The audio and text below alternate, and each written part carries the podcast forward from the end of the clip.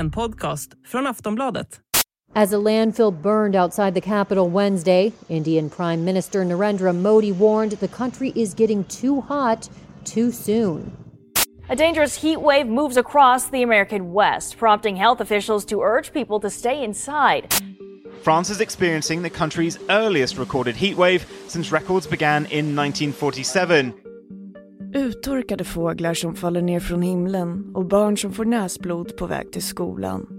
Ja, det är verkliga scener som utspelade sig i Indien i våras. Den brutala värmeböljan som slog till mot landet testade gränserna för människans överlevnadsförmåga enligt forskaren Chan Nissing, del av FNs klimatpanel IPCC. Och extremvärme har sedan dess slagit till mot andra delar av världen. Förra veckan uppmanades fler än 100 miljoner amerikaner stanna inomhus sedan en värmebölja drabbat stora delar av USA. Samtidigt slogs värmerekord efter värmerekord i delar av Europa under helgen. Så väntar ännu en rekordvarm sommar på kontinenten. Förra sommaren ledde de höga temperaturerna bland annat till att skogar stod i lågor, sniglar brändes ihjäl i sina skal och att tusentals fler människor dog än förväntat. Värmeböljor är klimatförändringens tysta mördare, skrev Francesco Rocca, internationella Röda Korsets ordförande för några dagar sedan. Så vad får extremvärmen för konsekvenser? Väntar en livsmedelskris? Och vilken roll spelar klimatförändringarna? Allt detta ska vi prata om i dagens avsnitt av Aftonbladet Daily. Staffan Lindberg, Aftonbladets klimatreporter, ska bringa klarhet. Mitt namn är Ronja de Bor. Hej Staffan Lindberg och välkommen till Aftonbladet Daily. Tack. Ja, extremvärme, extremhetta, extremväder är ord som används frekvent för att beskriva vädret i delar av Europa de senaste dagarna. Varför är det så extremt? Därför att det är stora delar av Europa som har haft temperaturer som är 15 eller kanske till och med 20 grader varmare än, än normalt. Så att det här är inte vad människor förväntar sig. Eh, det är inte vad man förväntar sig så här års och man upplever det som, som att det är någonting som verkligen avviker från, från det normala, att det är extremt. Kan du ge en överblick över hur extremvärmen har sett ut i Europa den senaste tiden? Ja, men det har varit väldigt, väldigt varmt eh, i säga, stora delar av, av, Tyskland, i Frankrike, även i Spanien, Italien och, och flera andra mindre länder också. Eh, och, och det, är, det handlar om att, att, att, att det är jätte, jättehett, att det är en typ av, av temperaturer som man kanske har sett innan på högsommaren när sommaren kulminerar, när det är som allra, allra hetast i, i slutet av juli, början av augusti i de här delarna av Europa, men som alltså då kommer nu under, under juni, under första halvan av juni, mitten av juni eh, och, och det, det känner man inte igen. Vi har haft temperaturer till exempel i, i södra Frankrike på, på 40 grader, det har man inte uppmätt tidigare i juni. Så att det här är, det vad vi tidigare kallade den värsta högsommarvärmen som vi nu alltså får på försommaren. Och kan vi vänta oss fler värmeböljor i sommar och i så fall vart? Eh, det kan vi. Det är ju alltid så med, med väder att, att det handlar om, om sannolikheter, hur troligt det är att någonting kommer att inträffa, en, en väderhändelse. Och, och den här sannolikheten beror då på hur klimatet ser ut. Ju varmare klimatet, desto större sannolikhet att man får den här typen av, av fenomen. Så att ja, man kan absolut göra det sett till, till vad som är sannolikt, eh, men det går inte att förutse exakt hur och när och var. Vad för konsekvenser får de här extrema temperaturerna? Ja, men det, det, det, man brukar ibland prata om sådana här extremvärmeböljor för osynliga mördare. Det kan låta lite dramatiskt, men det är så att, att medan många människor kanske klarar det ganska bra, kanske till och med går till stranden och har det trevligt i, i den här hettan så, så vet man att det är jättemånga människor som har det svårt. Det kan vara äldre människor, folk som måste jobba ute, folk som har olika typer av sjukdomar eller, eller som är lite skörare och, och, och som ofta dör eh, därför att det blir för hårt. Och här finns det ju jättemycket som, som samhällena måste göra för att lära sig att hantera det här som blir vanligare och vanligare i spåren av klimatförändringarna och vi såg till exempel förra sommaren i, i USA när man är extremhetta där i, i västra USA att, att myndigheterna började upprätta så här enorma cooling centers dit medborgare fick komma och man hade stor luftkonditionering och man bara kunde ligga där och, och bli sval igen. Därför att det här, det här påverkar vår hälsa mer än, än vad vi nog tror och det är väldigt, väldigt tufft för människor när temperaturerna blir så här höga. Ja, på vilket sätt mer påverkar det människors hälsa? Ja, men det är, det är, vi, vi är inte gjorda för den här typen av, av höga temperaturer så att det kan bli farligt på olika sätt beroende på liksom hur, hur skör man är.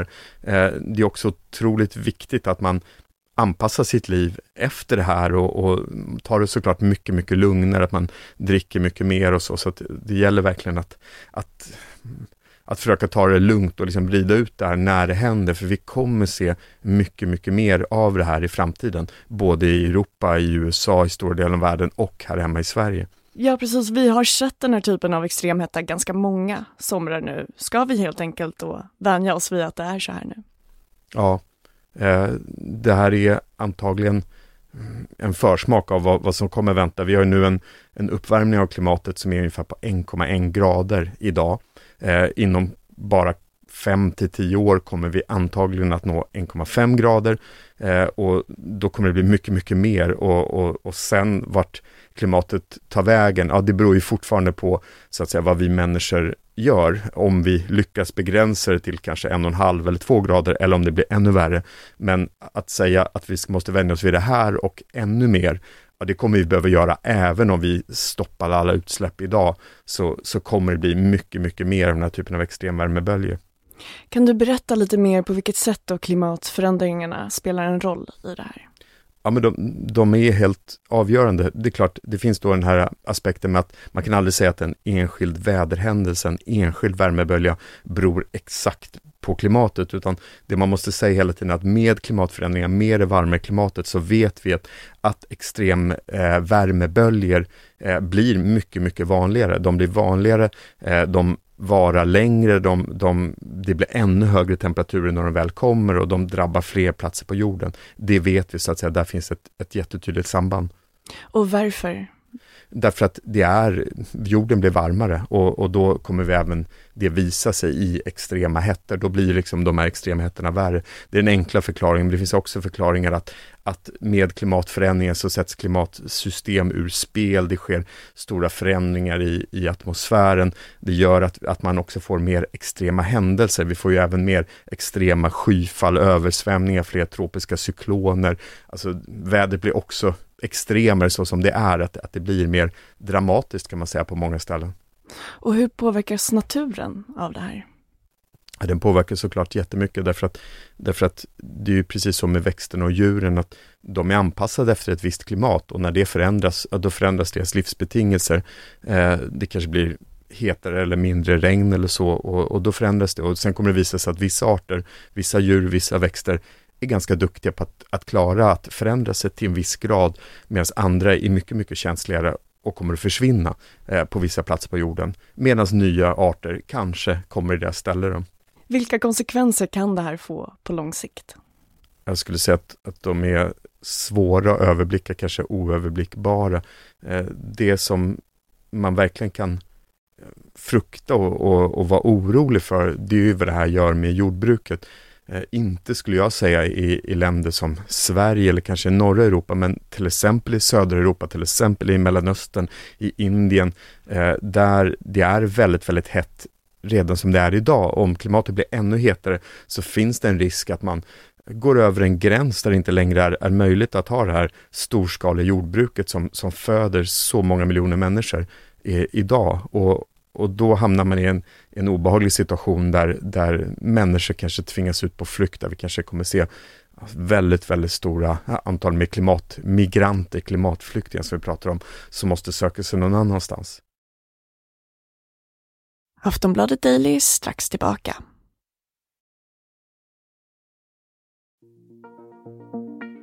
Förutom värmen hotar omfattande torka skördarna i delar av Europa Samtidigt blockerar Ryssland ukrainsk spannmålsexport, något som EUs utrikeschef Josep Borrell nyligen kallade ett krigsbrott, då det enligt honom spär på risken för stor svält på olika håll i världen.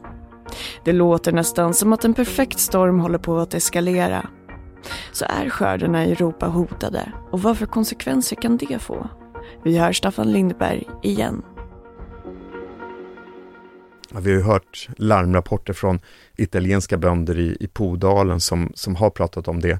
Eh, vi får väl se. Eh, det är ganska långt till skörd och man får väl se hur, hur vädret utvecklar sig, hur temperaturerna blir nu, om det kommer regn och så.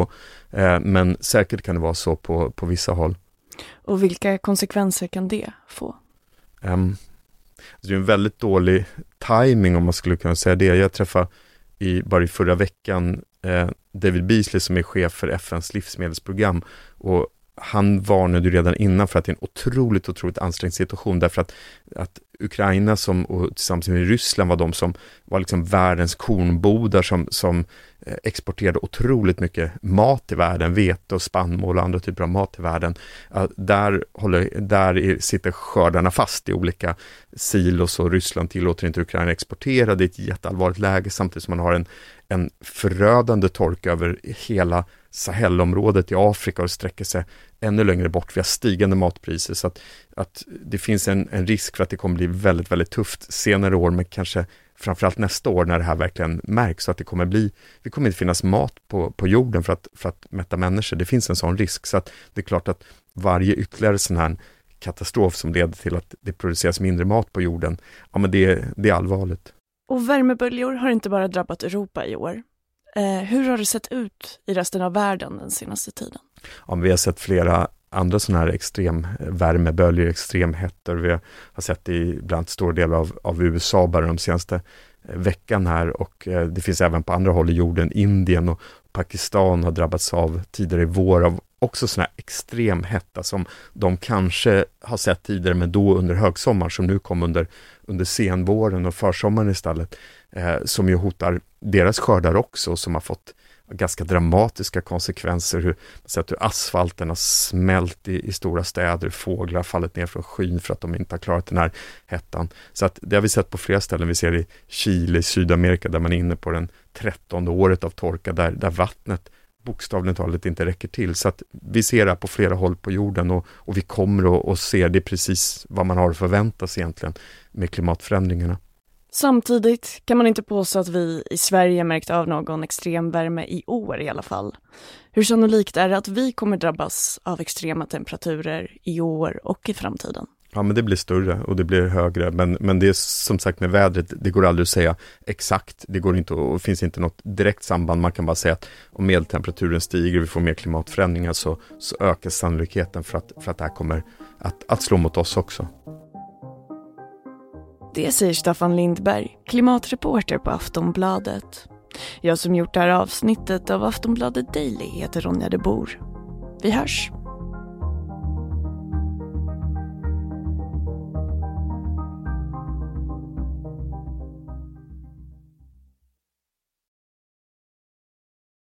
Du har lyssnat på en podcast från Aftonbladet. Ansvarig utgivare är Lena K Samuelsson.